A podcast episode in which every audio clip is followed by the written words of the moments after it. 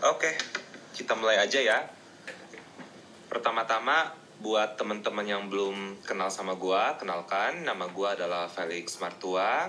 Gua adalah jurnalis musik dan gua juga punya konten sendiri di mana gua menginterview para musisi kontemporer saat ini. Judulnya The Felix Martua Series, bisa kalian tonton di YouTube dan di Spotify Podcast atau Apple Podcast atau Google Podcast. Untuk kesempatan kali ini, gue pengen menawarkan analisis pribadi gue mengenai AMI Awards tahun ini, yang mana nominasinya diumumkan kemarin. Dan gue pengen menekankan bahwa apa yang bakal gue share pada kesempatan kali ini sepenuhnya adalah analisis pribadi gue dan tidak mewakili tim atau media atau organisasi mana pun. Dan tentunya gue bakal memberikan analisis yang kritis dan di sini gue sama sekali nggak ada niat untuk menyinggung artis atau pihak mana pun. Dan gue harap uh, teman-teman juga um, menjaga kesopanan dan menjaga etika sosial juga selama live Instagram session ini.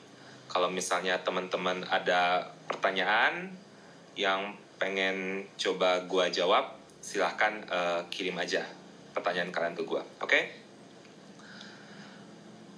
Um, kemarin gue udah hadir di preskon pengumuman AMI Awards 2022 dan tentunya ada beberapa kejutan tapi terus terang buat gue pribadi gue udah mengantisipasi kalau artis-artis tertentu bakal mendominasi AMI Awards tahun ini.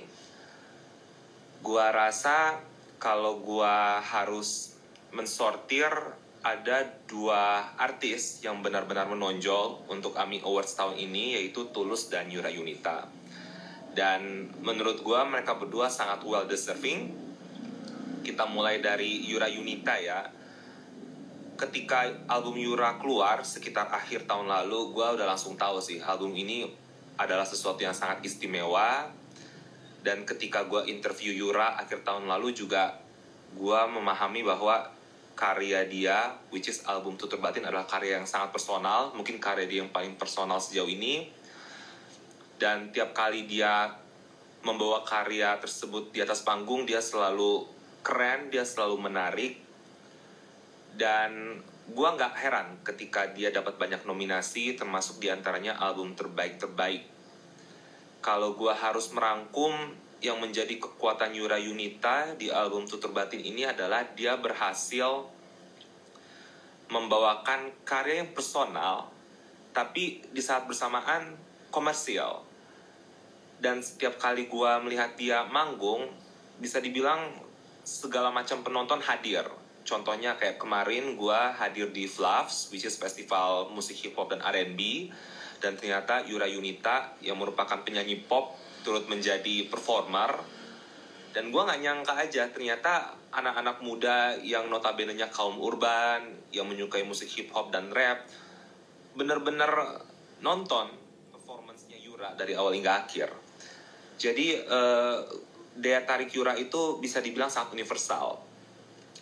Artis lainnya yang terbukti mendominasi adalah Tulus. Gue nggak heran Tulus berhasil menjadi artis Indonesia pertama yang menembus tanggal lagu global dengan karya musik yang juga berbahasa Indonesia itu adalah prestasi yang nyaris mustahil ya, yang nyaris mustahil. Dan semua lagu di albumnya terbukti tidak hanya populer tapi juga disukai oleh semua orang. Dan ya rasanya aneh sih kalau misalnya Tulus nggak dapat nominasi dan dia dapat banyak banget nominasi di AMI Awards tahun ini. Satu lagi artis yang gue lihat berhasil menciptakan uh, ciprakan yang signifikan adalah Pamungkas. Gue secara pribadi sangat senang. Gue punya feeling kayaknya uh, orang-orang mulai nyesel nggak ngevote Pamungkas di tahun-tahun sebelumnya jadi mereka memanfaatkan tahun ini untuk tanda kutip uh, nebus dosa. Ya dia dapat berapa nominasi gitu. Nggak cuma dari album Birdie tapi dia juga dapat nominasi lewat kolaborasi dia dengan Jinan Leticia. Dia dapat nominasi dari kolaborasi dia dengan Dead Bachelors. Uh, jadi sangat menarik. Yang lebih menarik lagi adalah setidaknya dari apa yang gue dengar di kiri dan di kanan, sesungguhnya album Birdie dia ini cukup polarizing ya. Bahkan di suatu ketika gue pernah ngobrol sama salah satu kenalan gue dan kita sempat berdebat panas juga mengenai album pamungkas yang Birdie ini. Karena ya gue nggak akan ngomong banyak, tapi mungkin buat teman-teman yang udah dengar satu album Birdie ini kalian setuju bahwa album ini ada pronya ada kontranya juga. Album ini nggak seperti tiga album pamungkas yang sebelumnya. Sekarang um, kita bahas kuda hitam di AMI Awards ya. Gue sangat surprise but in a positive way. Dan gue juga sangat senang It Gitaf berhasil uh, menembus AMI Awards. Dan lucunya gini It Gitaf cuma dapat dua nominasi di album terbaik terbaik dan di album pop terbaik. Kalau gue diminta berteori, gue rasa para voter AMI Awards itu masih bingung sebenarnya It Gitak itu masuk musisi kotak ngana sih karena dia uh, considerably not pop enough but also not folk enough. Secara tenis dia anak indie tapi dia punya appeal yang mainstream. Tapi gua rasa terlepas dari kebingungan semua orang, mereka semua setuju bahwa EP yang semoga sembuh itu memang EP yang cukup unik dan istimewa. Dan gua rasa It Gitaf bersama dengan Feby Putri yang juga dapat banyak nominasi menjadi uh, penerus dari tren singer-songwriter cewek di industri musik Indonesia. Dan gue dengar-dengar It Gitaf berencana buat mengexpand EP Semoga Sembuh Dia, gue harap kesampaian. Lalu kemudian Noah tentunya masih uh, eksis di AMI Awards. Terus terang mungkin masih ada orang-orang di luar sana yang masih bingung kenapa Noah lagi, Noah lagi. Tapi kalau kalian tanya gua, dia kan dapat nominasi untuk album terbaik-terbaik untuk album dia yang uh, sebentar ya, biar nggak salah. biar nggak salah dia itu dapat buat Taman Langit. Ya, Taman Langit. Oke, syukurlah nggak salah. Kalau menurut gue, album Taman Langit ini sangat istimewa dalam artian berkat album ini Noah seolah-olah berhasil menunjukkan ke semua orang bahwa Noah itu bukan band lawas. Bahwa mereka itu masih relevan. Dan juga terbukti bahwa bahkan sampai sekarang kalau Noah manggung baik dari anak-anak era 2000-an atau era 2010-an hingga era Gen Z, mereka itu bersedia bayar tiket untuk nonton Noah gitu buat dapat barisan paling depan buat nonton Noah. Jadi untuk kesempatan kali ini gue merasa Noah well deserving lah untuk dapat nominasi ini. Lalu yang dapat nominasi album terbaik-terbaik juga adalah Tiara Andini dan Yodra memang harus diakuin di belantika musik pop mereka lah yang lagi eksis sekarang. Dan gue juga gak kaget sih mereka dapat nominasi tersebut. Untuk album Liodra gue menilai album Liodra adalah termasuk album pop yang cukup variatif. Terus terang gue agak kaget ternyata lagu Oe Oe Oe nya nggak dapat nominasi di kategori dance karena menurut gue itu karya yang sangat unik. Menurut gue Dipa Barus menunjukkan dimensi yang berbeda juga lewat karya tersebut tapi it's okay lah. Dan gue secara pribadi berharap mudah-mudahan di kesempatan berikutnya Liodra bisa explore genre dance tersebut karena gue merasa dia punya talenta di genre itu. Sedangkan untuk Tiara Andini ya udah berapa kali kan dia masuk tanggal lagu. Lagu dia terbukti populer baik itu di radio maupun di YouTube maupun di streaming platform gue rasa uh, album Tiara Andi ini mewakili selera anak muda zaman sekarang. Oke, okay, uh, eh, sekarang yang sayangnya uh, menurut gue kurang dapat apresiasi. Uh, banyak sih, banyak. Tapi pada akhirnya itulah yang bikin AMI Awards selalu exciting ya. Selalu ada kejutan, ada artis yang kita kira nggak dapat apresiasi eh ternyata diapresiasi ada artis yang kita kira bakal dapat apresiasi eh ternyata enggak tapi satu hal yang pasti uh, tempo lalu gue ngobrol sama Mas Chandra Darusman, which is ketua umum AMI Awards sekarang, dan dia bilang AMI Awards pengen merefleksikan perkembangan zaman. Overall, gue melihat dari nominasinya oke okay lah, uh, cukup bisa uh, merefleksikan perkembangan zaman. Terlepas dari itu, memang ada anak-anak muda yang gue rasa layak sih dapat nominasi, tapi sayangnya tahun ini belum saatnya bahasa sopannya seperti itulah. Contohnya yang paling kelihatan banget di mata gue adalah Hanindia gue nggak ngerti kenapa sampai sekarang Anin belum dapet that Ami love gitu. Apa belum dapet cinta dari Ami Awards dia pernah menang sih secara teknis dulu tapi untuk kategori karya produksi rearrangement terbaik untuk lagu Pupus. Dan correct me if I'm wrong pialanya itu lebih buat produser dan bukan buat artis. Jadi sepemahaman gue Hanin itu belum pernah dapat piala buat dia secara pribadi. Gue kira dia bakal punya kans yang besar lewat Roman Picisan menurut gue she did a very good job karena dia berhasil mengubah lagu yang aslinya sangat rock dan sangat maskulin menjadi karya yang pop dan juga feminim. Eh ternyata dia nggak dapat. Dan gue secara pribadi juga suka lagu Love Language karena terbukti bahwa Hanin nggak mau kayak stay di satu kotak tertentu. Dia pengen explore secara sonic juga. Tapi sayangnya love language nggak dapat enough love dari AMI Awards ya memang membingungkan sih membingungkan uh, kenapa sampai sekarang Hanin masih belum dapat rezeki di AMI Awards. Lalu ada anak-anak indie lain yang menurut gue layak dapat recognition lebih. Contohnya kayak Morat dia cuma dapat satu nominasi padahal album dia yang About a Woman itu keren banget.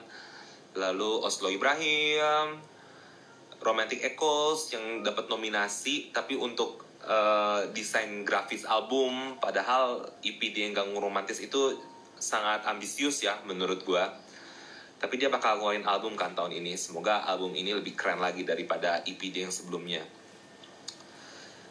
Lalu ya ada beberapa anak-anak idol yang sayangnya nggak dapat nominasi. Um, kalau kalian tanya gue sih tadinya yang gue jagokan itu adalah Anggi Marito yang cara mencintaimu gue juga berharap Mark Natama juga bisa nembus lewat jago cemburu tapi sayangnya tahun ini belum menjadi tahun mereka. Uh, kemudian yang sering menjadi kontroversi dari tahun ke tahun adalah kategori artis solo wanita untuk kategori pop. Dan uh, itu juga yang ditanyain netizen sejak kemarin ke akun Instagram gue terutama mengenai kenapa Tiara Andini nggak dapat nominasi di kategori tersebut. Oke, okay, uh, eh, buat teman-teman Mutiara, semoga kalian bisa menerima analisis gue dengan lapang dada ya. Jadi gini guys um,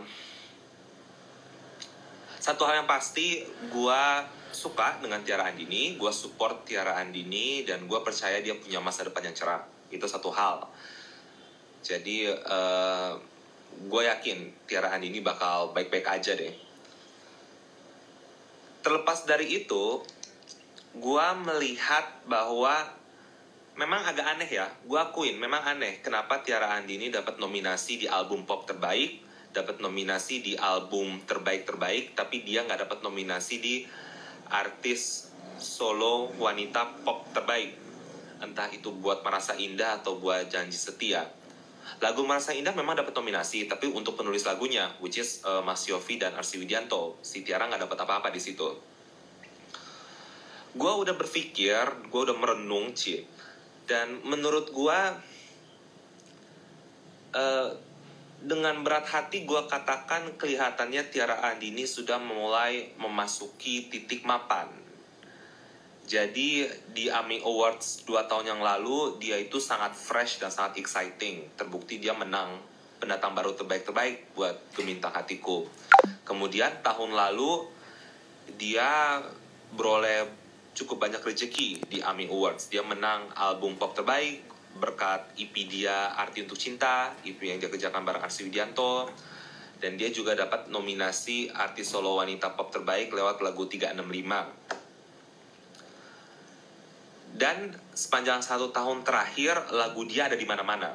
Bener-bener literally ada di mana-mana. Dan gue punya firasat kelihatannya para pelaku industri dan pecinta musik yang menjadi voter AMI sudah mulai terbiasa dengan Tiara Andini. Mereka sudah terbiasa dan mungkin mereka menilai Tiara Andini udah punya momen dia. Oke okay, let's move on. Kita lihat siapa artis-artis lain yang uh, masih membutuhkan momen tersebut. Jadi gue khawatir mungkin Tiara Andini bakal berhadapan dengan tantangan yang cukup berat ya untuk ke depannya. Karena realitanya seperti ini guys.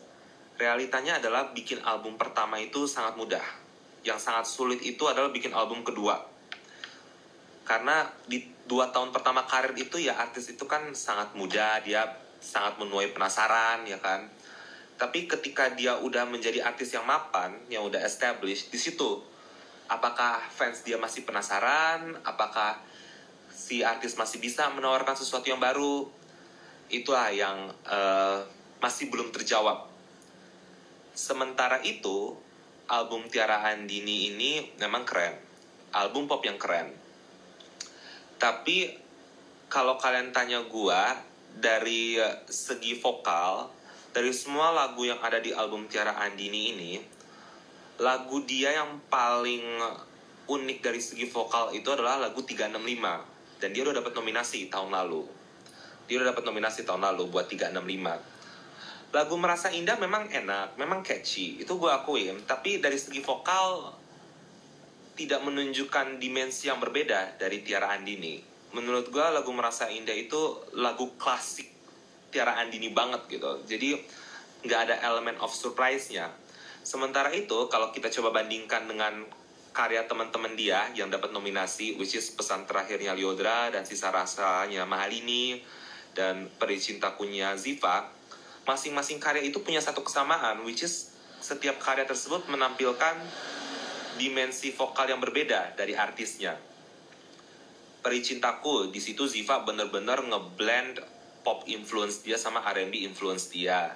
Dan dia juga berhasil mengubah lagu yang originally sangat maskulin menjadi lagu yang feminim. Itu sesuatu yang tidak mudah untuk dicapai.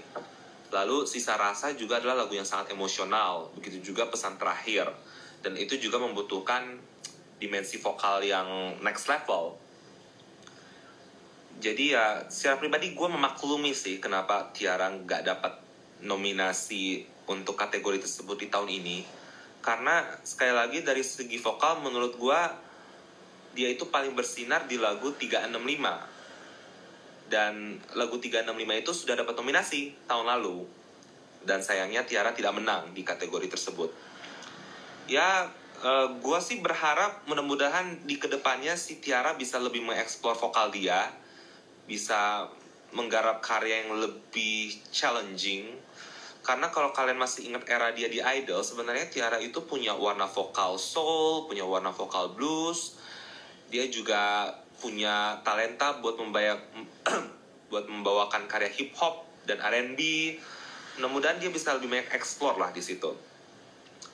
Karena ketika artis itu sudah mapan, sudah mencapai titik stabil, dia harus mulai ngasih surprise gitu. Dia udah nggak bisa lagi cukup menjadi diri dia sendiri. Dia harus mulai explore, dia harus mulai eksperimen, dia harus ngasih sesuatu yang berbeda. Lalu Oke, okay, ada lagi yang nanya mengenai bagaimana peluang Liodra di eh, nominasi yang dia dapatkan. Nah, ini cukup tricky ya, ini cukup tricky. Karena terlepas dari album Liodra yang terbukti populer, faktanya adalah bila dibandingkan dengan artis-artis yang lain, Liodra itu masih agak jarang naik panggung. Sementara itu AMI Awards itu melihat semuanya. AMI Awards itu tidak cuma melihat performa lagu di streaming, tidak cuma melihat kualitas rekaman, tapi industri musik juga melihat bagaimana karya tersebut dipertanggungjawabkan di atas panggung. Bagaimana sang artis membawakan karya tersebut di atas panggung. Bagaimana artis berhadapan dengan para penonton, bagaimana artis berhadapan dengan awak media. Dan bila dibandingkan dengan artis-artis lain, Liodra masih kurang di ranah tersebut. Jadi, uh, I don't know. Satu lagi hal yang cukup challenging adalah faktor usia sih. Uh, Liodra itu masih amat sangat muda. Apakah para voter uh, percaya diri dengan uh, Liodra untuk kemudian memberikan dia piala kita nggak tahu lah ya tapi bila ternyata semisalnya nih semisalnya pas upacara AMI Awards bulan depan Liodra memborong banyak piala itu justru menjadi sinyal yang signifikan itu menjadi sinyal bahwa oke okay, resmi sudah industri musik Indonesia mengalami regenerasi resmi sudah anak muda yang berjaya sekarang. Tidak cuma berjaya dari segi popularitas, tapi juga dari segi kualitas. Tapi kembali lagi, kita nggak tahu ya. Uh, di sini kompetisi Liodra cukup berat. Ada Yura Yunita dan guys, tiap kali gue nonton Yura Yunita di atas panggung, dia itu menakjubkan banget, benar-benar menakjubkan. Dan tiap kali gue nonton dia live, gue jarang ngeliat ada penonton yang cuman dengar lagu atau cuma dengar 10 menit pertama enggak. Pengalaman gue adalah penonton itu benar-benar stay nonton Yura dari awal hingga akhir.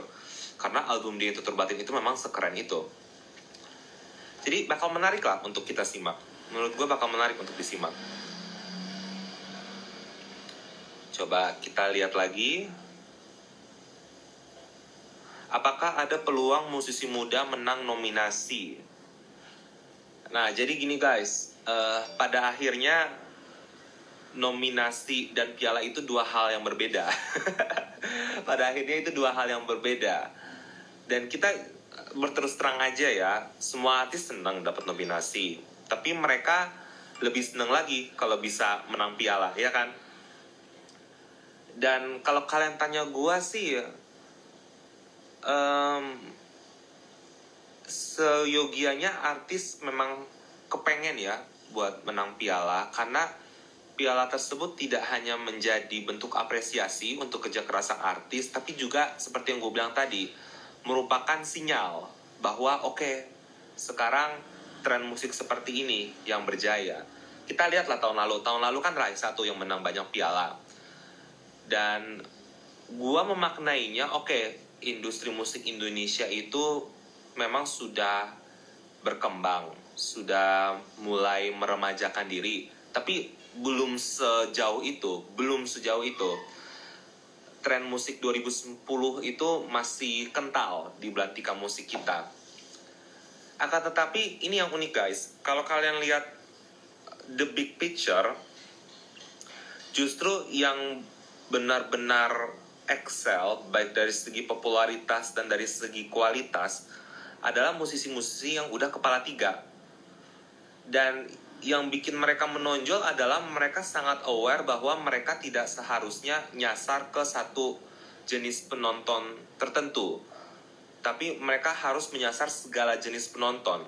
Itulah kenapa tiap kali Tulus dan Yura pentas, semua manusia dari segala macam usia biasanya hadir untuk nonton. Dan yang bikin mereka menarik juga adalah event mereka itu bukan kayak event khusus fans Uh, jadi uh, sorry to say ya guys, bukannya gue pengen menyinggung kalian, tapi waktu gue nonton live-nya Tiara Andini kemarin sama waktu dia manggung bareng Arsi di Java Jazz, gue bisa melihat bahwa mayoritas penonton dia itu adalah fans-fans berat dia. Dan terlihat banget bahwa kebanyakan penonton dia anak-anak muda. Jadi saat gue mencoba mempelajari penontonnya, nggak banyak variasi di situ. Tidak seperti penonton di konsernya Yura atau konsernya Tulus atau konsernya Raisa atau konsernya Malik and the Essentials. Uh -uh, jadi gue senang anak-anak muda ini bisa dapat nominasi, tapi apakah mereka bisa membawa pulang piala? Uh, it's too difficult to predict. Jujur aja ya, jujur aja. Oh, tapi Mas, Liodra sering naik panggung, live Liodra sering banget, FYP besar jutaan hingga belasan juta. Tergantung jenis panggungnya sih. Soalnya eh, pada akhirnya yang menjadi standar tertinggi panggung di industri musik Indonesia itu adalah panggung festival. Dan sepengetahuan gue, Liodra itu masih jarang main di festival sejauh ini ya, sejauh ini apalagi bila dibandingkan dengan rekan sejawat dia kayak Tiara Andini dan Mahal ini. Mahal ini terutama udah mulai sering tuh tampil di festival-festival musik. Kenapa festival musik yang jadi barometer tertingginya? Karena festival musik itu basically pesta rakyat. Di situ logikanya segala macam manusia dari segala macam latar belakang ngumpul dan kita bisa melihat, oke, okay, yang mana yang mereka cari, yang mana yang benar-benar menarik perhatian mereka jadi kalau panggungnya masih kayak panggung intim atau panggung solo atau panggung wedding uh, masih kurang, terus terang masih kurang. Uh, itulah kenapa sampai sekarang gue masih belum berani mereview penampilannya Kesha Lefronka karena sepengetahuan gue sampai saat ini dia belum pernah menjadi bagian dari festival musik. Tapi gue harap dia segera ya uh, menjadi bagian dari festival musik. Menurut gue itu bakal sangat menarik banget Lalu kita lihat ya. Ah, mengenai kolaborasi Shakira dan Nuka yang meant to be.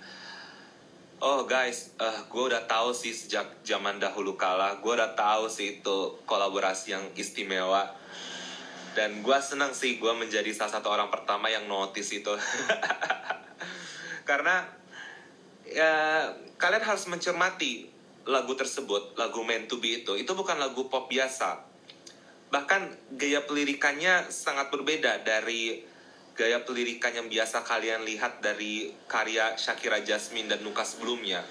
Gue bisa merasakan ada visi dan ambisi di situ. Dan gue secara pribadi paling suka sama musisi muda yang gak takut buat punya ambisi, yang gak takut buat punya inovasi. Tapi apakah Shakira dan Nuka bakal bisa bawa pulang piala bulan depan. Nah, saingan mereka berat tuh, soalnya di situ ada sang pemenang AMI veteran di Sia Jodi bareng Stefan Pasaribu. Lagu mereka yang ternyata hanya kamu lagi naik sekarang dan itu bisa saja menguntungkan buat mereka karena itu artinya lagu mereka masih fresh di memori para voter. Jadi uh, mereka mungkin dalam posisi yang menguntungkan. Lalu tentunya ada Feby Putri dan Versa Besari yang runtuh.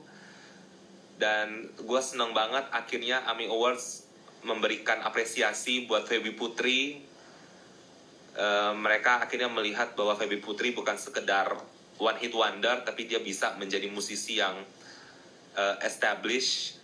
Dan album dia yang Rio itu juga album yang sangat unik dan sangat personal.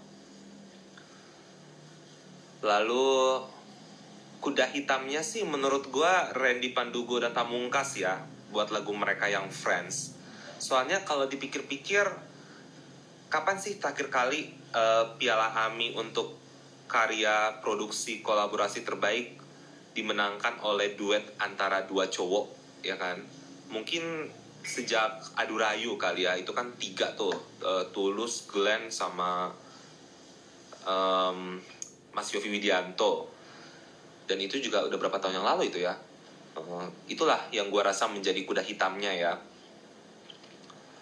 Oh, benar nggak sih Ami itu senioritas? Soalnya selama ini seperti itu kesannya yang baru-baru seperti pemanis saja. uh, ada yang berpendapat seperti itu, beberapa kenalan gue juga punya pendapat seperti itu.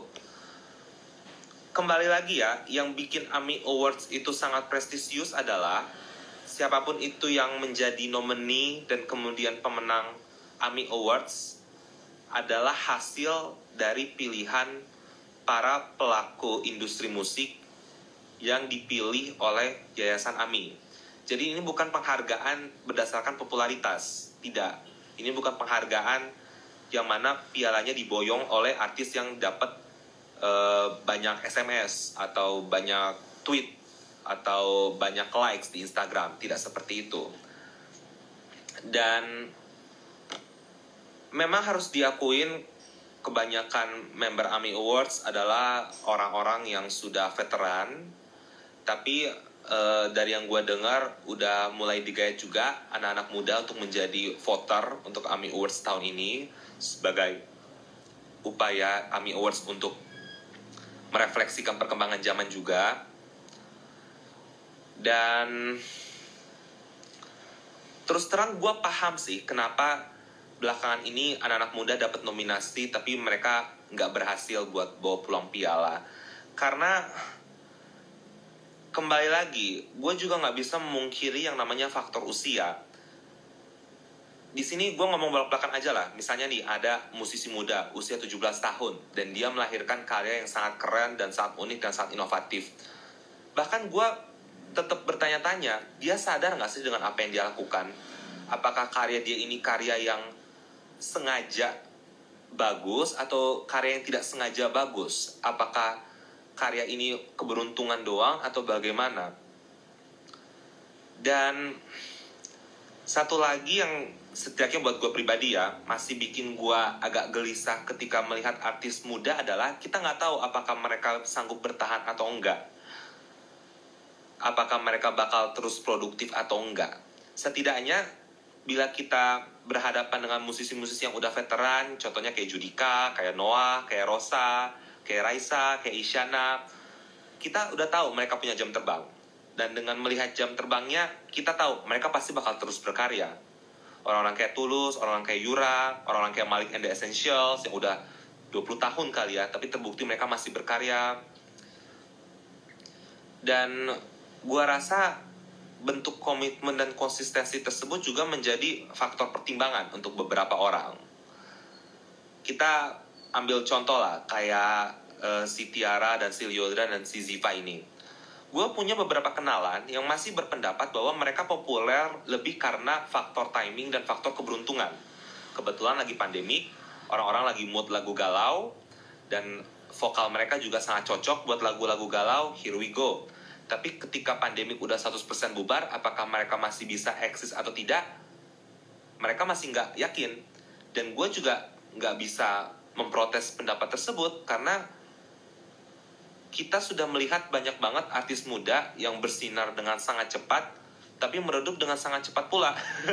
karena faktor kelabilan atau faktor usia, kemudian karena ternyata sayangnya mereka malah one hit wonder album pertama mereka meledak tapi ketika mereka menggarap album kedua euforianya tidak seperti kala pertama jadi kembali lagi guys uh, memulai karir itu justru adalah hal yang paling mudah mempertahankannya yang paling sulit Contohnya Marion Jola, tadi gue lihat ada beberapa yang bertanya-tanya, kenapa Marion Jola nggak dapat nominasi sama sekali? Ya kan? Eh, gue rasa karena orang-orang masih belum tahu seperti apa sih next chapternya Marion. Ya kan mereka masih belum ada bayangan. Iya Marion Jola udah ngerilis beberapa lagu baru. Tapi mood yang gue tangkep ya kelihatannya industri masih belum tahu. Jadi sebenarnya si Marion Jola ini mau mau ke mana sih?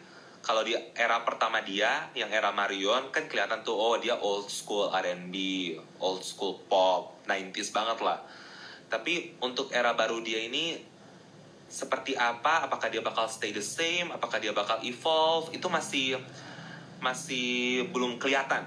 Ya, dia kan baru ngeluarin lagu tuh overthinking. Tapi kalau kalian tanya gue, lagunya keren. Tapi uh, lagunya masih belum memberikan gue semacam informasi. Oke, berarti si Marion mau ngapain ya gitu? Apakah dia mau coba dance sekarang apakah dia mau coba musik elektro? Apakah dia mau coba jazz? Bahkan soalnya uh, duet dia bareng Teza Sumendra itu jazzy banget dan gue suka banget sih. Kalau Marion pengen coba explore ranah jazz menurut gue dia bakal cocok banget. Ya kan we'll see lah. Mungkin jangan-jangan Marion bakal collab bareng uh, eh, DJ I don't know. Tapi satu hal yang pasti Marion sangat berbakat. Dia udah menunjukkan bahwa dia punya banyak layer dan banyak dimensi dan kalaupun tahun ini bukan tahunnya gue yakin uh, dia bakal punya banyak banget kesempatan untuk kembali bersinar dan ya ini harapan gue pribadi yang mungkin agak subjektif ya tapi melihat perkembangan zaman, melihat perubahan mood pecinta musik Indonesia juga, gue sih berharap anak-anak muda bisa bawa pulang piala ya. Heeh. Anything is possible guys, anything is possible. Dan gue harap ketika mereka berhasil membawa pulang piala itu, mereka semakin semangat untuk terus berkarya dan bukan langsung berpuas diri. Oke, okay, gue udah selesai gitu. Mudah-mudahan enggak. Dan tentu biasanya uh, kemenangan selalu disusul dengan ekspektasi dan lebih banyak lagi pressure. Tapi itulah industri musik. Oke, uh, coba apalagi pertanyaan kalian. Raisa masuk terus.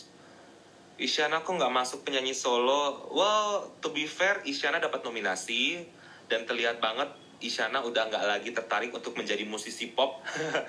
Jadi uh, gua rasa nggak adil juga buat kita memperdebatkan kenapa Isyana nggak dapat nominasi musik pop karena dia udah bukan musisi pop lagi guys. Kalau Raisa, uh, Raisa memang cuma dapat dua nominasi tahun ini dan menurut gua itu bisa dipahami soalnya dia udah menang banyak banget uh, tahun lalu dan dia mengeluarkan album tahun ini yang merupakan bentuk expansion dari EP dia tahun lalu jadi element of surprise-nya udah nggak sama lagi, udah nggak se, se semenarik, se exciting gitu, udah nggak se exciting tahun lalu. Tapi itu dia ya.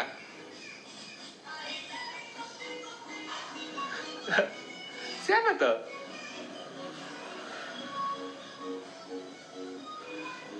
Astaga, ada ondel-ondel lewat, sorry ya. tapi ya uh, lagu dia yang cinta sederhana itu mungkin adalah salah satu lagu Raisa yang paling grande ya paling grande jadi menurut gue sangat deserving. Tapi ya kalau gue sih sebenarnya secara pribadi gue lebih suka lagu yang berdamai ya. Lebih karena gue secara pribadi bisa relate aja. Tapi nggak kok uh, all kidding aside uh, menurut gue Raisa deserving dapat nominasi AMI buat cinta sederhana tersebut. Dan dia juga deserving dapat nominasi R&B garis miring soul buat yang You Better Believe Me karena oke okay, eh, Raisa masih masih punya api gitu di dalam jiwanya. Dia masih berani buat bereksperimen sampai ke sana. Dia sampai nge-guide Karachenoa which is salah satu rapper paling keren saat ini. You guys should check it out. Nah Danila aduh. Aduh terus terang ya uh, kalau gue harus memilih mana yang paling bikin gue shock itu adalah ketika gue mengetahui Danila Riyadi cuma dapat satu nominasi di AMI Awards tahun ini. Aduh, aduh bener deh. Mudah-mudahan kalau Danila nonton dan tahu uh, live session ini, Danila bisa uh, menerima ucapan support dari gue karena menurut gue pop sebelah itu adalah salah satu album terbaik di tahun ini. Danila menyuguhkan musik pop yang sangat orisinil dan sangat jahil dan sangat nakal dan gue kira dia bakal menjadi kuda hitam di AMI Awards tahun ini tapi ternyata tidak. Dia cuma dapat satu nominasi. Tapi terlepas dari itu gue bakal selalu menjadi fansnya Danila kok. Gue bakal terus mantengin karya-karyanya Danila. Let's see. Apakah ketika Raisa menang lagi tahun ini masih fair? Ah, itulah yang menarik untuk kita simak guys. Sekali lagi, kategori artis solo wanita pop itu selalu menjadi kategori yang paling kontroversial. Siapa pun yang menang pasti ada pro dan kontra. Siapa pun yang kalah pasti ada pro dan kontra. Tapi pada akhirnya, siapa pun yang menang akan menjadi bentuk sinyal. Kalau ternyata Raisa menang lagi, oke. Okay. Itu artinya sayangnya uh, diva-diva senior masih menjadi uh, pemegang obor. Dan gimana ya, Raisa kan sudah terbukti sangat berkualitas dan kalian juga nggak bisa menyangkal tiap kali Raisa perform selalu rame loh, selalu rame. Bahkan ketika set dia cuman kayak 30 menit selalu rame. Oke, coba uh, apalagi yang mau kalian tanyakan? Janji Setia Tiara padahal bagus saya nggak masuk. Oh ya gue setuju sih. Tapi itu murni bias dari gue sih. Itu murni bias dari gue. Dari satu album itu gue paling suka Janji Setia. Sayang ya nggak dapat nominasi. Tapi tau nggak apa yang gue suka dari lagu Janji Setia itu? Uh, lagu itu menunjukkan potensi Tiara di ranah musik adult contemporary. Jadi lagu itu menjadi bukti bahwa dia nggak cuma bisa bikin musik buat anak-anak now, tapi dia juga sebenarnya bisa bikin musik untuk para kaum dewasa kayak gue. Oh, bahas karya produksi terbaik-terbaik. Oke, ada lima kan nomininya. Coba gue lihat dulu ya catatan gue uh, siapa sih dapat nominasi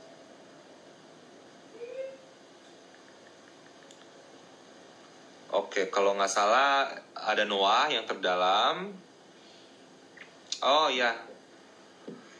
Hmm. Well, gua rasa yang jadi saingan terberatnya tentunya hati-hati di jalan dan tutur batin ya. Kenapa hati-hati di jalan? Karena itu terbukti menjadi soundtrack seluruh generasi. Kenapa tutur batin? Karena lagunya sangat emosional, sangat personal. Lo bisa melihat hati dan jiwanya Yura di situ. Dan kalau ternyata yang menang nanti malam ini atau Liodra itu bakal menarik sih. Itu bakal menarik. Tapi ya kembali lagi ya sosok Tulus dan sosok Yura itu uh, sangat sulit disangkal. Oke, okay. uh, eh, kategori rearrangement. Satu hal yang gue notice, semakin ke sini orang semakin melek dengan kategori rearrangement ini. Jadi mungkin karena udah bermunculan ya tren remake-remake lagu. Dan gue juga melihat yang menjadi nomini di kategori ini bukan sembarangan. Kalau dulu-dulu sih terus terang gue bisa menebak siapa yang bakal menang. Tapi buat tahun ini uh, agak complicated ya. Mungkin banyak dari kalian yang langsung berasumsi ah pasti pericintaku yang menang belum tentu guys. Belum tentu. Karena uh, versi sekali ini sajanya Rosa itu juga sangat eksepsional sangat istimewa.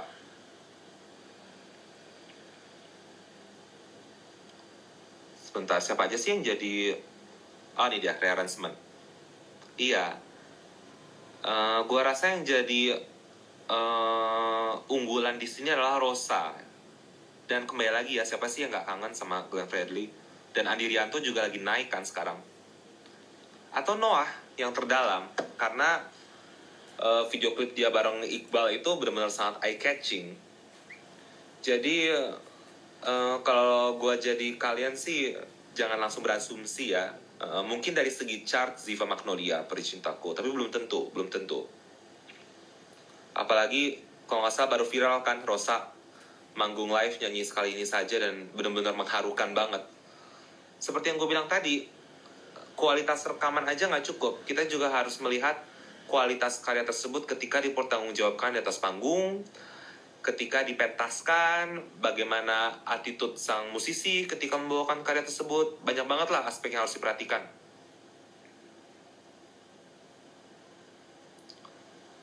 Oke, oh udah jam 13.22 aja. Um, sebentar lagi gua izin tutup ya live session ini. Coba, apalagi yang mau kalian tanyakan? Ntar ya, gua scroll dulu, scroll dulu. bang nanti di save ya live-nya uh, gimana caranya ya ah Liodra pesan terakhir ah, lagunya enak tapi gini waktu gue lihat nominasi untuk karya produksi terbaik terbaik ini dan kemudian ada pesan terakhir dan sisa rasa memang gue agak nervous sih kenapa karena esensinya dua lagu tersebut uh, sama-sama ballad dan maknanya kurang lebih sama kan, which is mengenai kehilangan dan mengenai perpisahan. Jadi kita lihat aja nanti seperti apa. Tapi gua rasa kalau ternyata malah mahal ini yang menang itu bakal menjadi kejutan terbesar di upacara AMI Awards sih. Karena kan tahun lalu mahal ini nggak dapat nominasi sama sekali. Dan memang sekarang mahal ini lagi naik-naiknya ya. Tapi ya ada Tulus, ada Yura. Wah, keren banget nih tahun ini. Musik-musik tahun ini bagus semua. Coba. Oh, mengenai tak ingin usai. Ya, eh, teman-teman kita objektif aja ya di sini. Kita objektif aja di sini. Poin nomor satu, Keisha Lefronka nggak mungkin dapat nominasi pendatang baru terbaik-terbaik. Kenapa? Karena secara teknis dia sudah mengeluarkan single sekitar tahun 2020 yang lalu, kalau gue nggak salah. Yang lagunya Jadi Kekasihku Saja. Jadi dia itu udah nggak bisa lagi dikatakan sebagai artis pendatang baru. Ya itu juga kenapa eh, kemarin kan banyak yang ribut kenapa Liodra nggak dapat nominasi pendatang baru, sementara Tiara dapat. Soalnya secara teknis Liodra itu bukan pendatang baru, dia kan pernah jadi musisi waktu dia bareng Erwin Gutawa untuk di atas rata-rata. Dan AMI Awards itu sangat strict mengenai aturan seperti itu, demi fair, demi make sure bahwa segala sesuatu berjalan dengan fair. Lalu poin kedua, eh, kita semua udah tahu kan kalau Keisha sering menghadapi berbagai macam cobaan ketika dia membawakan lagu tersebut live. Jadi eh, memang kita sulit sih membayangkan apakah dia bakal dapat nominasi vokal atau tidak ya. Tapi memang dari segi penggarapan lagu dan dari segi produksi lagunya memang bagus ya. Menurut gua Mario G. Cloud dan Topati layak dapat nominasi tersebut. Mungkin Keisha tahun depan kali ya. Mudah-mudahan lah. Kita kan nggak tahu. Mudah-mudahan aja Keisha segera bikin single baru sehingga dia eligible buat tahun depan.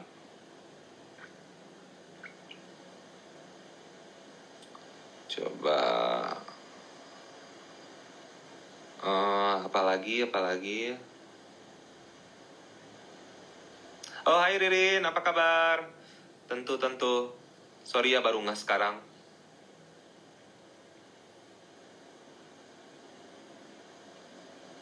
Terus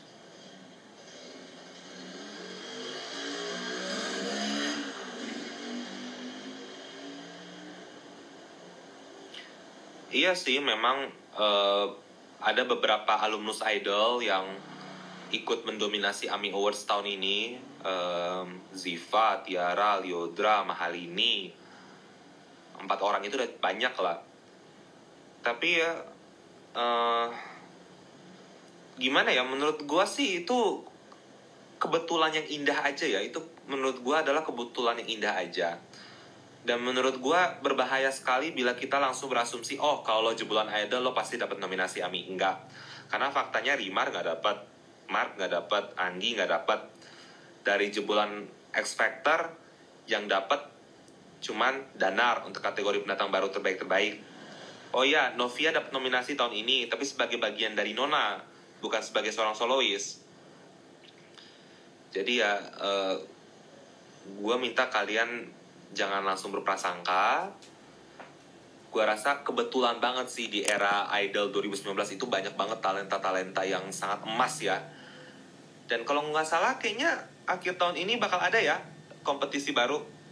Kita lihatlah apakah mereka bisa mencetak batch yang sama gilanya, yang sama kerennya, yang sama parahnya atau enggak.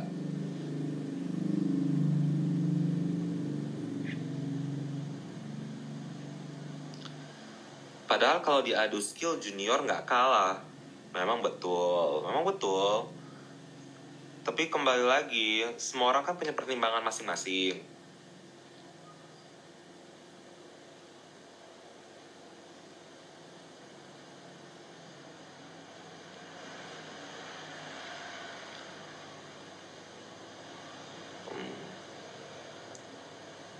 Terus Oke lah ya, paling nggak mau tahu Teh Yura harus menang. Teh Ocha juga keren kok.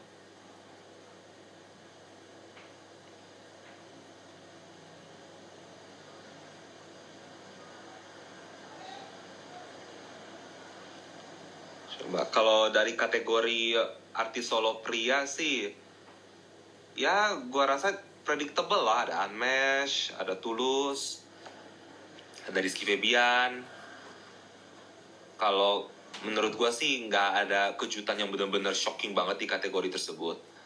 Ada Judika, tahun lalu Judika menang. Apakah Judika bakal menang lagi tahun ini? Kita lihat aja nanti.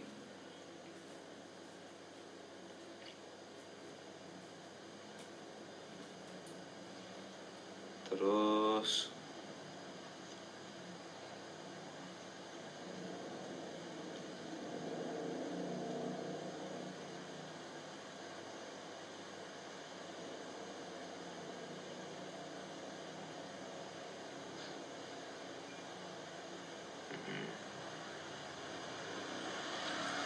Iya deh, secara pribadi sih gue berharap Liodra, Kesha bisa lebih banyak manggung di festival.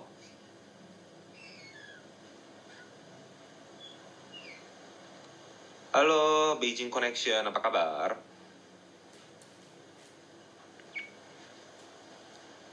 Terus, iya sampai sekarang gue masih penasaran Marion Jola mau ngapain ya? Waktu gue nonton dia di Fluff sih, dia kelihatannya sengaja bikin aransemen yang bener-bener R&B, bluesy, jazzy banget. Apakah itu yang bakal jadi uh, arah dia selanjutnya? Kalau era kemarin kan masih ada tuh warna popnya, masih ada kan? Apakah untuk berikutnya dia bakal total R&B? Menurut gue itu menarik sih buat diikutin. Tapi kelihatannya kalau Bisia Jody dia masih murni pop ya, masih tetap di jalur pop.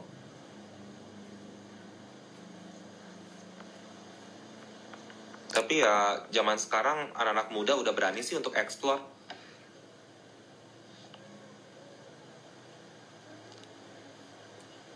Untuk kategori jazz, oh secara pribadi gue senang Daniel Dionysius berhasil menggebrak.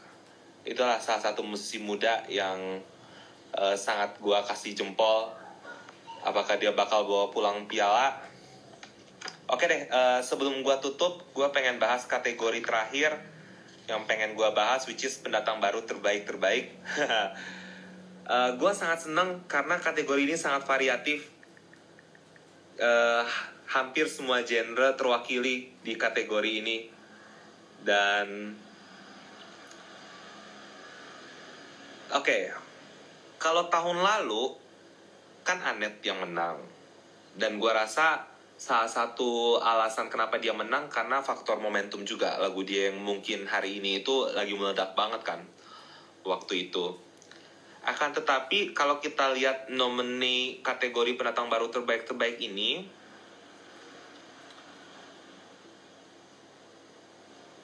yang lagi bener-bener meledak banget itu si Fabio Asher jadi uh, eh, gue rasa Fabio punya kans yang cukup oke okay lah untuk membawa pulang piala. Akan tetapi dunia musik itu udah berubah banyak sejak tahun lalu. Kita nggak tahu lagi seperti apa nih uh, selera masyarakat sekarang. Karena dari pengetahuan gue tiap kali oke okay pentas selalu pecah. Oke okay, mungkin uh, nggak sepopuler Fabio Asher di tanggal lagu. Tapi tiap kali mereka pentas di event-event offline mereka selalu pecah. Lalu terus terang gue nggak bisa bicara banyak mengenai Melissa Hart karena gue belum pernah lihat dia nyanyi live di hadapan banyak orang ya secara langsung. Dan dia juga baru punya dua lagu kan. Uh, gue agak sulit uh, menilai dia seperti apa Begitu pula uh, Danar Widianto, dia dapat nominasi untuk karya pertama dia, which is sebatas formalitas. Tapi setidaknya gue lihat Danar udah mulai ikutan sirkuit festival sih. Kalau nggak salah ada kayak event musik senja gitu. Mm -hmm. Yang paling mungkin yang jadi kuda hitamnya adalah Living Room, Living Room uh, duo hip hop dan udah lama juga ya uh, musisi hip hop membawa pulang piala AMI untuk pendatang baru terbaik terbaik dan kalau ternyata Living Room menang wah itu bakal menjadi bahan perbincangan sih selama beberapa hari ke depan. Sedangkan itu untuk Shana Shannon, gua rasa dia adalah salah satu musisi yang benar-benar under the radar ya, under the radar banget. Tapi gue seneng dia dapat apresiasi ini. Si Shana mengingatkan gue sama Miselia tahun lalu. Dan kita lihatlah seperti apa.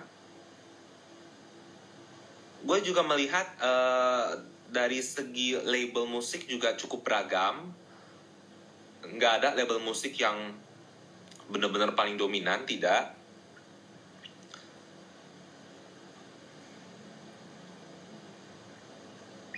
Oke, okay, paling itu aja guys yang bisa gue share. Jangan lupa save IG-nya kak, aku telah join nih. Oke, okay. itu aja yang bisa gue share. Dan gue berusaha ngasih perspektif yang kritis dan bijak. Semoga bermanfaat buat teman-teman. Dan ah, Arash lo baru join sekarang, telat lo. uh, Universal paling banyak dapat nominasi sepertinya. Untuk kategori pop sih iya, tapi untuk kategori yang lain-lainnya sih enggak sih. Kayak rock, hip hop enggak juga. Jazz. Banyak banget guys kategori di AMI Awards, nggak cuma kategori pop doang. Oke, okay, um, moga-moga kita bisa ngobrol lagi di lain kesempatan. Hai Raisa, Raisa Anggiani. Oh ya, uh, satu lagi yang bikin gue kaget adalah gue bener-bener mengira kau rumahku bakal dapat nominasi ternyata enggak. Oh itu gue agak kaget sih. Itu salah satu hal yang bikin gue cukup surprise ya. Nomor satu ketika ternyata Danila cuma dapat satu nominasi. Nomor dua ketika Raisa Anggiani nggak dapat nominasi sama sekali. Aduh kenapa ya? Mungkin karena ini kali ya jadi yang juga menjadi perdebatan adalah mengenai bagaimana cara mengkategorisasikan musisi. Contohnya kayak Raisa Anggiani, apakah dia folk, apakah dia pop? Ya, mungkin banyak orang yang berdebat mengenai itu. Banyak orang yang masih percaya Raisa itu masih pop, tapi mungkin ada orang yang berpendapat enggak dia folk. Tapi ya, itulah yang membuat industri musik sangat menarik. Oke deh, guys, uh, sekali lagi terima kasih banyak mohon maaf bila ada salah kata. Uh, semoga teman-teman terus mendukung musik Indonesia, terus mendukung musisi dari segala macam latar belakang, dari segala macam usia. Sekali lagi, gue mau ucapkan terima kasih dan uh, ucapan selamat juga buat semua artis yang sudah dapat nominasi. Uh, Oke, okay. stay safe, jaga kesehatan selalu, dan kita ketemu di lain kesempatan ya. Dadah! Thank you